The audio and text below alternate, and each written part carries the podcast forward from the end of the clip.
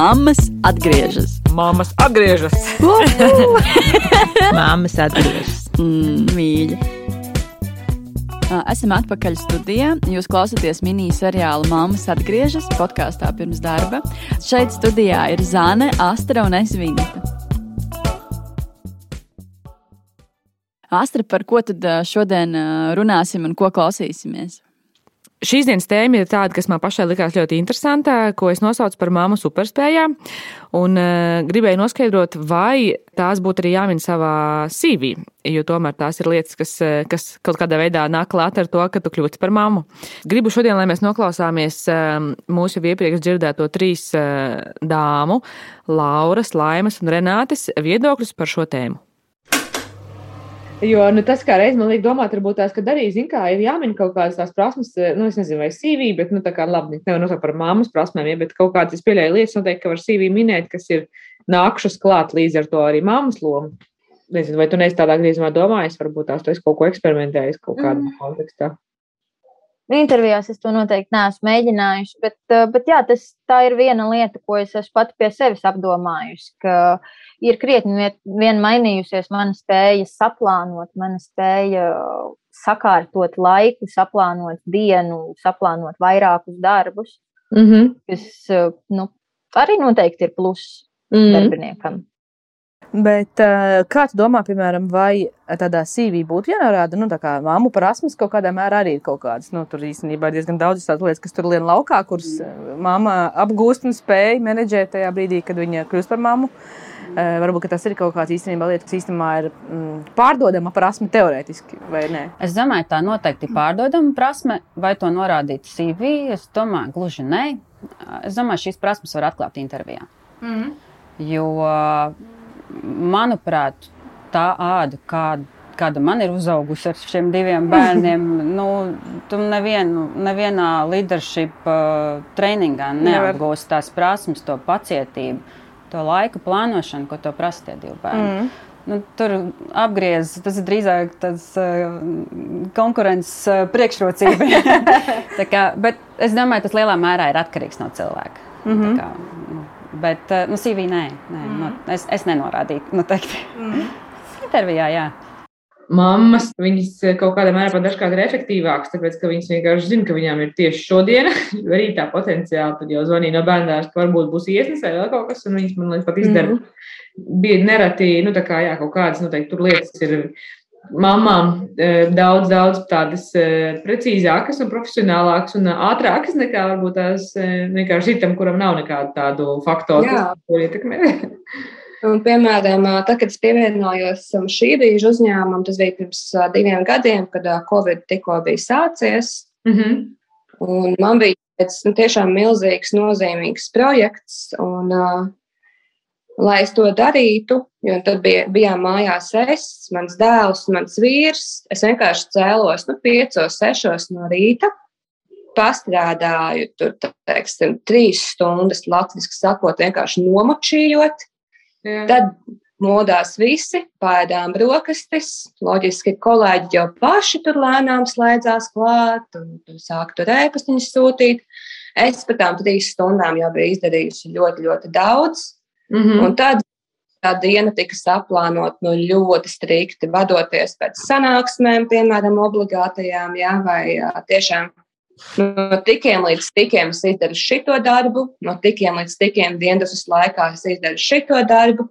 Tad man ir brīvā stundiņa, stundiņa, es eju pastaigāties ar bērnu, un tad jau principā ir vakars klāt. Um, tā kā tajā laikā, Covid laikā, kad es biju pievienojusies uzņēmumam, bija šie lielie projekti, kas man bija jāpaveic un vēl jāapgūst. Tā, bija ļoti liela disciplīna pašam pret sevi. Mosties agri, sakot zobus, izdara lietas, un tad tev diena aiziet kā tiešām lielā, lielā disciplīnā. Un, protams, tās domas tev tajā brīdī ir tādas, tev kolēģis, Jānītis, lēnām 20 gadnieks iztaipās, kas no rīta tur veids savu meditāciju, paskatās pa logu, uztaisa brokastiņus, un tad deviņos lēnām sāk čibināties. Un tu pa to laiku jau esi tur tiešām izdarījis burās. kā lielās budās es izdarīju visas dienas darbus. Mm. Līdz ar to tā, tā menedžēšana jā, ir krietni vien atšķirīgāka. Vismaz nu, tādos krīzes apstākļos, kad vienkārši sakompresējies un izdara maksimāli labāko. Man tā dzīvē vienkārši ir. Vienkārši vienmēr dari maksimāli iespējami labāko, un tu zini, ka tas ir tas, uz ko tas spējīgs tajā brīdī. Klaudāmas, kā jums šķiet, vai šīs mammu prasmes ir kaut kādas īpašākas, un vai viņas būtu kaut kā īpaši jāizceļ? Nu, es laikam darīju tā, ka es liktu CV, bet es nerakstītu, ka tās ir kaut kādas tur māmu prasmes. Nu, vienkārši tu lietas vai nu tur, kur esi norādījis savas stiprās puses, vai kaut kādā tajā kopsavilkuma sadaļā, kur tu apraksti sevi, savu motivāciju. Es noteikti liktu, piemēram, man dažreiz klienti nāk uz konsultācijām, un mēs strādājam ar stiprajām pusēm, un tad es parasti dodu tādu uzdevumu, nu, pastāsti par saviem sasniegumiem, un attiecīgi no tā mēs izvēlkam stiprās puses. Ir cilvēki, kuri sāsta, nu, par, piemēram, par privāto dzīvi vai par karjeru, un ir tādi, kuri domā, bet man taču nav sasnieguma. Tad es saku, bet, nu, kā, nu, piemēram, trīs bērni, vai tas nav sasniegums? Un tad, ah, nu, jā, pareizi. Un tad, attiecīgi, no tā var izvilkt, labi, tu esi uzaudzinājis trīs bērnus. Nu, kas ir tās stiprās puses, kas ir pilnveidošās tevī tajā visā procesā? Un tad to var likt CV un izmantot arī darba intervijā, kad tu stāsti par sevi. Bet es laikam neizceltu, ka tās ir kaut kādas māmu prasmes atsevišķi. Jā, Es pilnīgi piekrītu, ka uh, vai ierakstīt speciāli mammu prasmes, droši vien, ka nē, bet uh, laika plānošana vai plānošana kā tāda vai kaut kāds laika menedžments vai kaut kas tam līdzīgs noteikti ir tās prasmes, kuras uh, var ierakstīt, tā kā Vineta teica, pie savām īpašajām prasmēm. Bet, ja šīs prasmes, piemēram, tev ir jau iepriekš arī bijušas, tad līdz ar to tās īstenībā ar mammas lomu klāt nav nekas baigi, nenāk nekas kaut baigi vairāk no tā bet vai visiem ir bijusi augsta stresa noturība?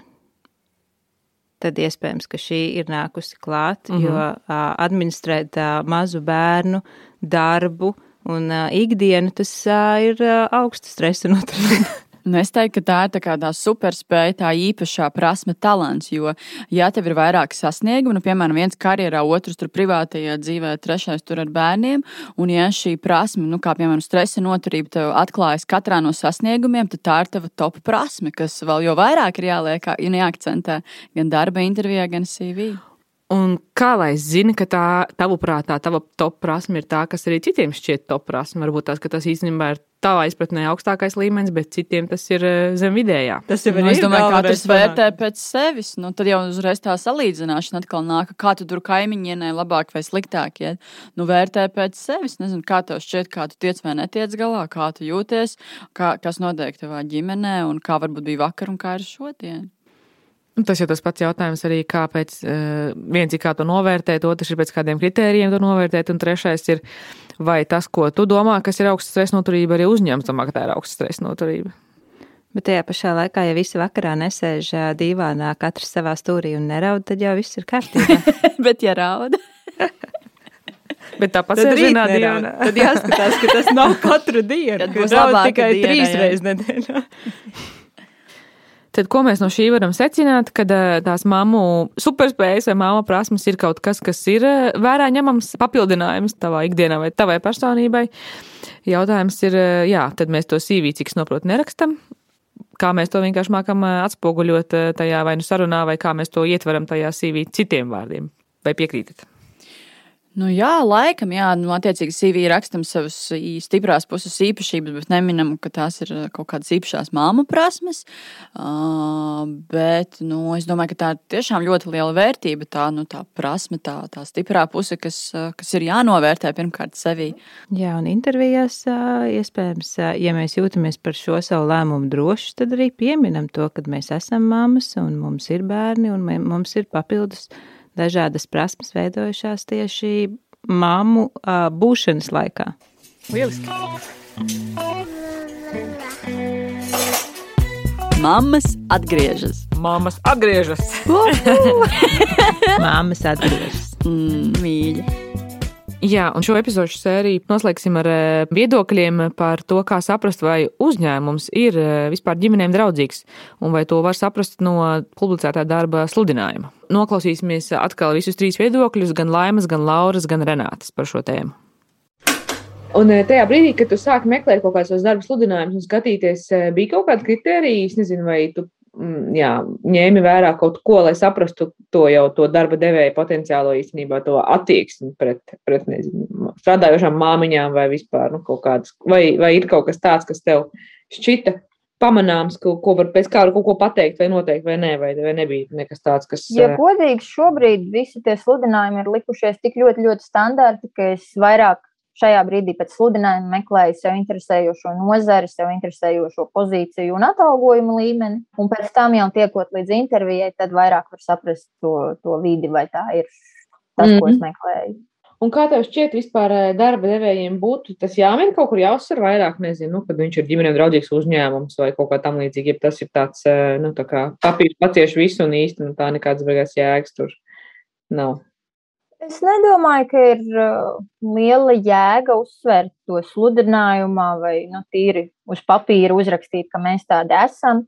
Uh, ir tas pats ikgadējais novērtējums, kā ģimenes draudzīgam uzņēmumam. Mm -hmm. To jau redz. Mm -hmm. nu, drīzāk tad ir jāiet uz to, lai būtu reāls šāds novērtējums, kuru mm -hmm. redz potenciālie darba ņēmēji, nevis to vienkārši uzlikt uz papīra, ka mēs tādi mm -hmm. esam. Nē, nu jā, bet nu, ja viņi uzliek arī šo novērtējumu tajā sludinājumā, piemēram, tā kā vienkārši var saprast, ka viņiem varbūt ir, varbūt ir tas fokus uz tām mamām. Tas, tas noteikti piesaistītu, un tas varbūt arī mazliet iedrošinātu runāt par šo, par šo esošo stāvokli. Kad tu meklēji darbu, vai tev bija arī kaut kāda kriterija, ko skaties? Nu, tu minēji par darba devējiem, ka tev bija latiņa skaidri, nu, kādus tu gribi. Vai tur arī skatījies, piemēram, vai viņi min arī tajos pašos nezinu, sludinājumos kaut kādus to viņu reputāciju, piemēram, ka viņi ir nezinu, ģimenei draudzīgs uzņēmums ir vai nav, vai tur ir kaut kādas lietas, kas ir minētas. Nu, tā tāda kriterija, kas tev ir svarīgi nu, arī teiksim, šādās. Šā, zinot, es tev... skatījos uz visu. Jā. Godīgi sakot, es tiešām skatījos uz visu. Mm -hmm. uh, bet man, man primārā interese bija korporatīva uzņēmuma. Mm -hmm. Jo lielākajā daļā starptautisku uzņēmumu, nu, manā pieredzē, es, protams, nezinu vēl tādu vai tie ir amerikāņi, vai tie ir angļu uzņēmumi, vai tie ir skandināvi. Nu, tās uzņēmuma kultūras ir ceļš tiem uzņēmumiem, kuri jau nestrādā gadus, piecus un desmit, viņas jau ir diezgan stabilas. Mm -hmm. Līdz ar to es primāri tēmēju šiem starptautiskajiem uzņēmumiem, bet eh, ja nebija nu, tās konkrētas varbūt, informācijas, ja kāda zināma šī reputācija, tad es skatījos arī sludinājumā, ko raksta, vai ir šī iespēja strādāt no mājām. Mm -hmm. To mhm. daudz tagad norāda. Jā. Es skatījos uz to, kur atrodas darba vieta, un arī nu, viens no uzņēmumiem nu, bija diezgan tālu no mājām. Sapratu, nu, nē, es negribu divas stundas vairs pavadīt laiku ceļā, mm -hmm. un tur tā opcija strādāt no mājām pat īsti nebija. Tie bija kriteriji noteikti. Mm -hmm. Jo tagad man darbs ir tuvu mājām, uh, viņš ir fleks, fleksibls attiecībā uz darbu no mājām. Mm -hmm. Tad, kur tu to darbu vari izdarīt, tur tu viņu dari. Mm -hmm. Jā, bet es cenšos būt vairāk birojā. Jo nu, birojā diezgan ilgu laiku, nu, daudz laika pavadīja mana komanda. Līdz ar to es uzskatu, ka arī man tur ir jābūt un jākomunicē. Nu, tā socializēšanās, man liekas, mums visiem ir pietrūkusi zināmā mērā. Bet tie, kas strādā tālāk no mājām, kuriem ir iespēja strādāt no mājām, nekādā mērā nu, nesaka, tev obligāti jābūt. Mums šodien apmācība, tagad tev ir jābūt šeit nu, jā, strādā no mājām, ja tu vari pastrādāt, protams. Mm. Jā, bet nu, nebūs arī tā, ka es teikšu, tur cilvēks, protams, var apvienot. Es saprotu, tā produktivitāte nebūs tāda. Nu, var, var teikt, ko gribi, ja tev mājās ir divi, trīs bērni. Jā, jā tu strādā no mājām, es savā galvā zinu, ko tas nozīmē. Skaidrs, jā, tava produktivitāte var staigāt, ja tev nav kāds cits cilvēks vai nu, partneris blakus, kurš tos, tos bērnus var paralēli pieskatīt. Jā, jā. jā, viena lieta ir šīs vērtības, otra lieta patiešām būt godīgam pret sevi, vai tu vari to paveikt. Jā. Un eh, tagad, kad tu domā, iepriekšējā reizē arī, kad tu meklēji to darba devēju, bija kaut kāda kriterija, kā tu mēģināji saprast arī par to attieksmi pret eh, jaunajām mamām vai tam līdzīgi, vai, vai tu atradi kaut kā tādu informāciju, kur, kur kaut kas tāds parādās, nu, vai, vai ir kaut kādas jā, lietas, kas eh, ļauj secināt. Ziniet, kā arī tām jaunajām mamām, ko es gribēju iestarpināt, jā. kas pašai personīgi kaitina, ja tā drīkst teikt, ir uh, tā kaut kāda sajūta daudziem, ko esmu pamanījusi daudzām jaunajām mamām, ka es tagad esmu jaunā mamma, un man tagad ir kaut kādas privilēģijas. Um, līdz ar to man, man nav šāda dzīves uzskata. Um, Ir cilvēki, kuri nav vecāki, dažādu iemeslu dēļ, savas izvēles dēļ, mm. un, piemēram, kuri ir brīnišķīgi darbinieki, kuriem ir pilnīgi identiskas tiesības uh, arī uz šo te amatu, kurās pieteiktos. Um, tas nekādā veidā nav saistīts arī to, ka es būtu tagad mamma un es gribu tagad atlasīt tikai uzņēmumus, uh, kuros ir uh, īpaši uzsvērts, ka viņi tur ģimenei draudzīgi. Nu, tas ir foršs bonus, bet uh, tā ir kaut kāda utopija, ka tagad visi Latvijas uzņēmumi uh, kļūs, vai pat nekļūs, viņi, viņi varbūt ir tādi, bet varbūt viņi nav ieguvuši ģimenei draudzīgu uzņēmumu titulu. Ja? Mm -hmm. uh, domāju, ka tas ir vairāk. Uh, vairāk tādas atsauksmes meklēšanas caur paziņām vai vienkārši internetā. Jo tas, kas man pats galvenais ir, lai tas uzņēmums ir nu, caurskatāms, patiešām, mm -hmm. lai viņš ir godīgs. Un uh, tālāk, jo to intervijā runājot ar tiem cilvēkiem, var saprast tās viņa vērtības. Jo nu, ne, ne visiem uzņēmumiem ir perfekts mājaslapas, jā. Ne visiem uzņēmumiem tur ir visādi apbalvojumi saņemti, bet pilnīgi iespējams viņš ir brīnišķīgs kolektīvs, kur tādu justos ideāli. Pat bez kaut kādas atsevišķas uz, tur uzsvēršanas, tur tādiem, tādiem bonusiņiem, jaunajiem vecākiem un vēl nezinu ko. Tā kā, jā, es teiktu tā, protams, tu apskaties, kā, kāds šis uzņēmums ir, kaut kādus secinājumus izdari, bet, ja tu tomēr kaut ko neatrodi, kas tev dod to sajūtu par to, ka viņš ir, es nezinu, vienkārši draudzīgs kolektīvs, tu aizēji šo te interviju un tu visu to noskaidro. Vai arī piezini personāla daļai un droši pajautā visu, kas tev interesē. Mm -hmm. uh, jā, nevajag baidīties tiešām no tā, ka tā informācija varbūt nav tik plaši pieejama. Galvenais, lai nav uzreiz tādi sarkanie karogi, ka kaut kas tiešām nav kārtībā. Mm. Tur gan es nepieteiktu. Uh, vienalga, vai tas, vai tas, kas nav kārtībā, ir saistīts ar uh, nezinu, kolektīvu, vai tas ir saistīts ar finanšu ziņojumiem. Mm -hmm. Vienkārši kaut kas nav kārtībā, tad uh, es šo uzņēmumu arī atsijātu. Mm -hmm. Bet jā, tas, ko esmu tiešām pamanījusi arī dažādās dzīves situācijās, ir šīs te, es esmu jaunais vecāks, un tagad man viss kaut kas pienākās. Nu, nē, nu, tā nav. Tu esi vienā līmenī ar visiem pārējiem, un, un viss atkarīgs no tevis paša. Kas no šī dzirdēt aizķērās? Man ļoti norezinēja Renāts teiktais par tiem attālumiem līdz darbam jaunajiem vecākiem, par, par tām kooperatīvajām normām, kas, kas man liekas, ka ļoti bieži tieši tā arī ir, kad kooperatīvie uzņēmumi nav tie, kas staigā ar, ar karogu par to, ka viņi ir ļoti draudzīgi uzņēmumu vecākiem. Tomēr viņos ir pieejams dažādas, teiksim, iespējas kā vasaras nometnes vai vasaras nodarbināšanas bērniem turpat tās oficiālā vai, vai kā savādāk, tīri tās intereses pēc, kad tad vienkārši tie vecāki neņem atvaļinājumu, bet ir darbā uz vietas, ja bērns ir pie vietas, teiksim tā.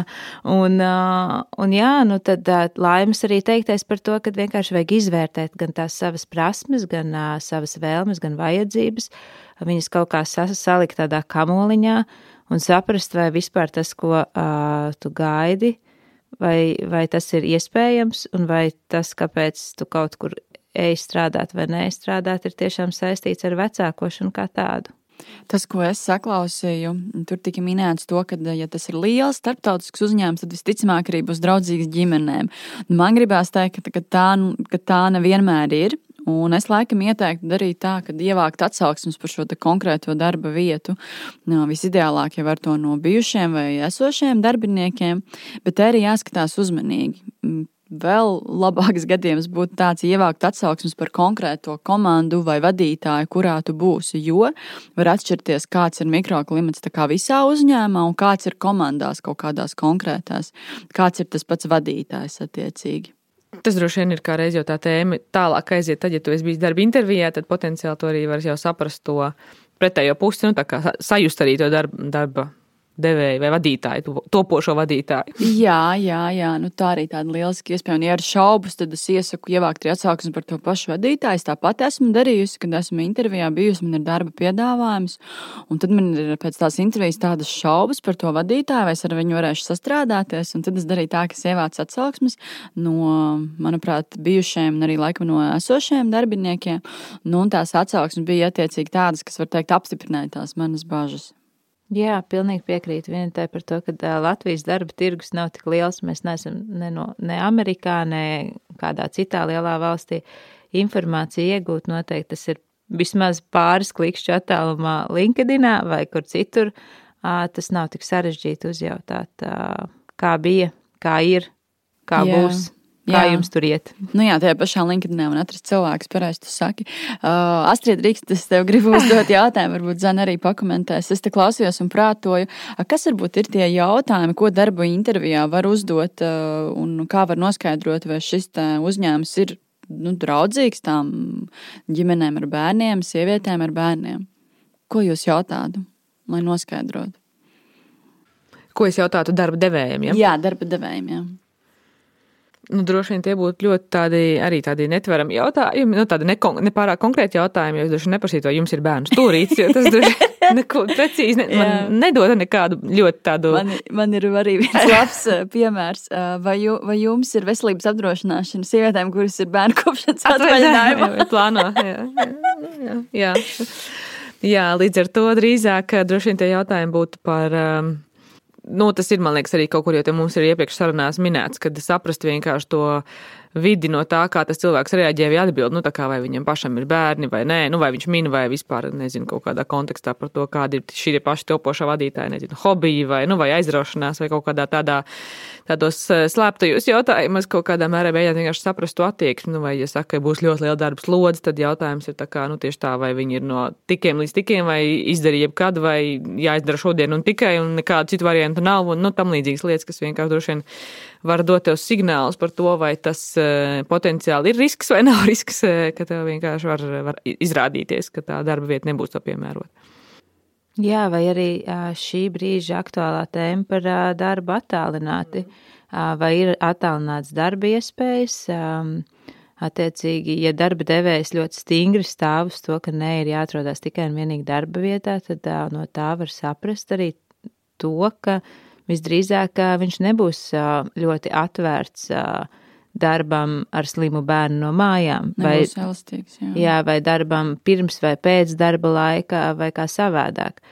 Tā kā, jā, nu tas ir vairāk uz tām sajūtām. Man liekas, ka eskalēt situāciju, es esmu mamma, man būs slimības lapas, Uh, vai tas ir jums ok?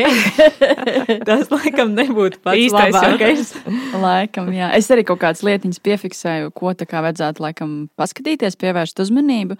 Nu, piemēram, vai vadības komandā ir cilvēki ar bērniem, vai vadības komandā ir sievietes vai tikai vīrieši, vai ir, piemēram, kaut kāda pasākuma bērniem, kaut kas tāds, ko uzņēmums piedāvā. Un arī tas, ko tu, Zana, minēji, vai ir darbs ārpus darba laika, attiecīgi tik liela slodze, kad uh, darba intervijā tev saka, nu tā būs jāpastrādā tur vakaros. Un tā ir tā tāda norma, norma, nevis ekstra situācijas, bet tā ir ikdiena.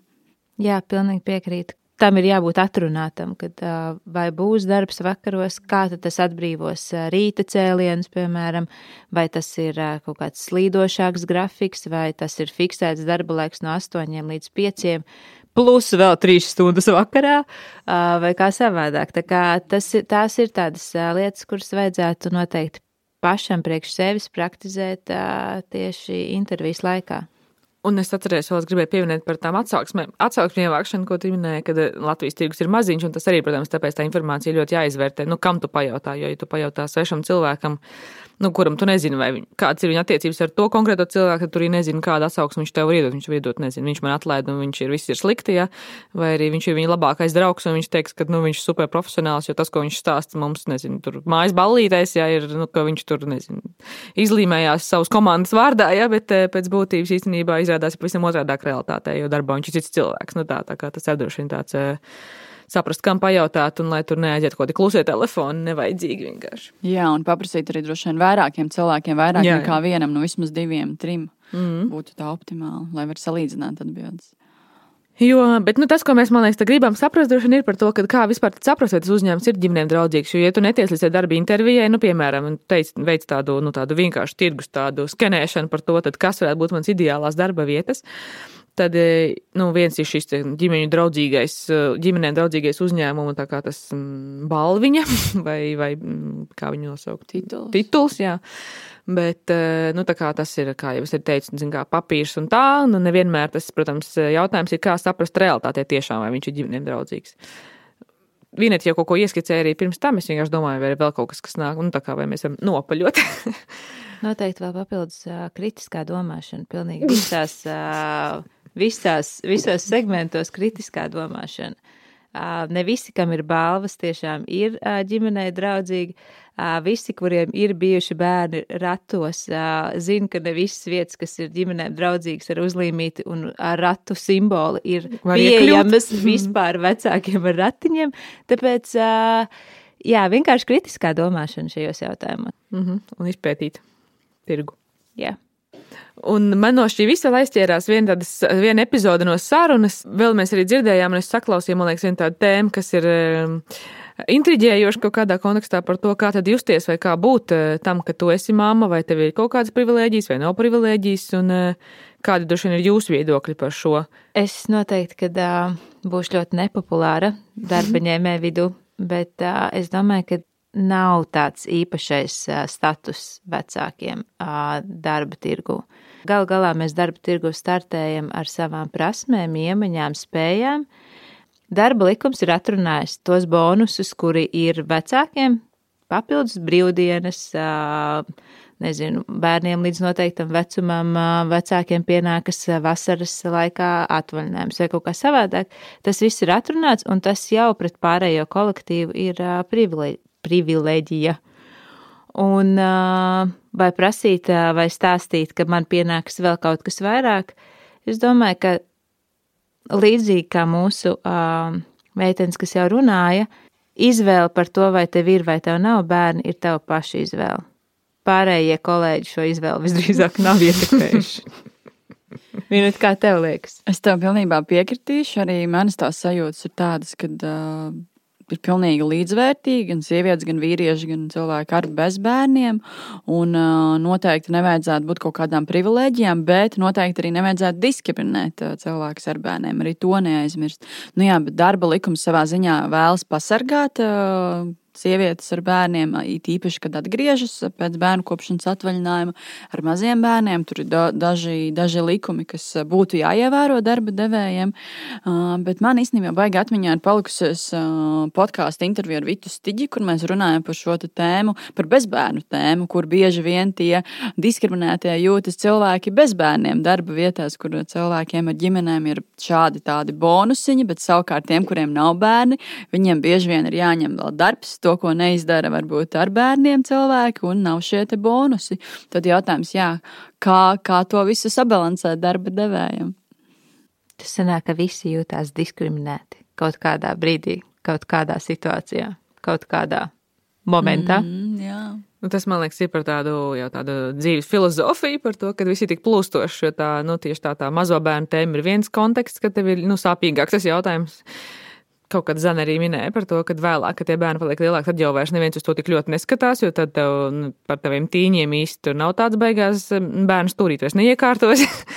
Un, eh, un tad atkal tas plūst un mainās. Līdz ar to tieši tā, man liekas, ka vienkārši ideālajā gadījumā vai nu tu atrod vienu darba devēju, kurš tev ir eh, gatavs pieņemt, vai kurš saprot tevi un ar kur tu spēj noturēt to balansu visos savos dzīves periodos, vai nu tad eh, citos gadījumos tev vienkārši ir jāmaina vai jāatrod tādi, ar kuriem tu spēj tajā savā dzīves periodā salāgoties tā, lai tas būtu apusē izdevīgi, bez, bez sajūta, ka kāds tiek diskriminēts vai ka kādam jāuzgrūž vairāk vai mazāk vai tam līdzīgi. Jā, tā ir tā sadarība laikam starp darba devēju, darba ņēmēju un kolēģiem un kolektīvu.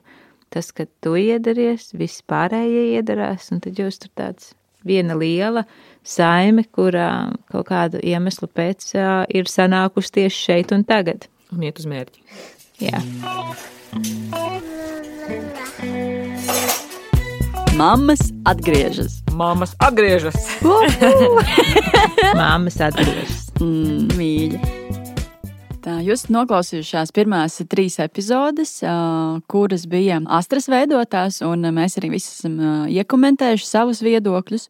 Man pašai ļoti patika. Es klausījos, un man bija dažādas sajūtas, gan prieks, gan dusmas, gan dažādi jautājumi, ko es priekš sevis pierakstīju, un arī vielu pārdomām īstenībā. Tad, rezumējot, man arī jūsu tādu kopsavilkumu rezumējumu gribās dzirdēt, Astra, varbūt kā tev, kas, kas varbūt no tā visa ir jauns, ko tu esi iemācījies iemācījusies vai priekš sevis paņēmusi?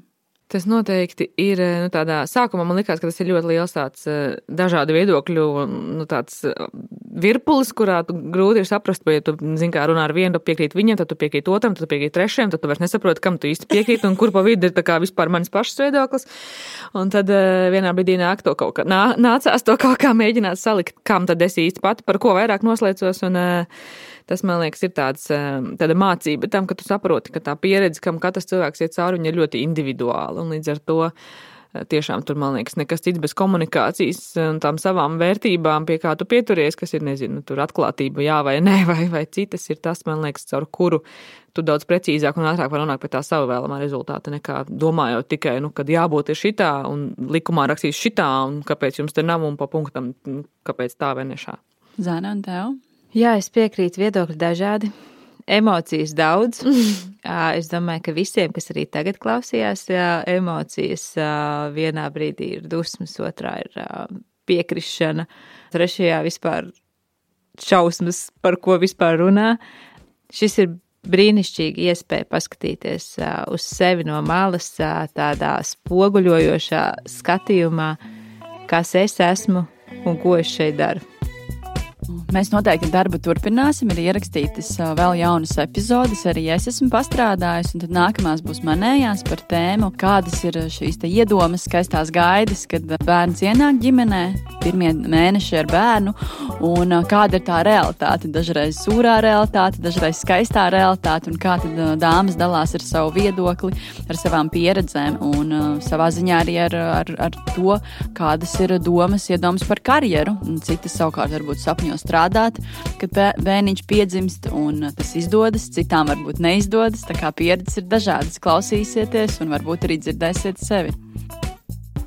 Paldies klausītājiem un tiekamies nākamajās epizodēs. Tā! Uz redzēšanos! Čau! Miniseriāla autori Vineta Bērziņa, Astra Pudāne un Zane Uzuliņa. Skaņas ieraksts studijā Ambona, muzikālā tēma Mikaela Landīna, Raidījuma režija un podkāstu pirms darba producents Juris Garjāns.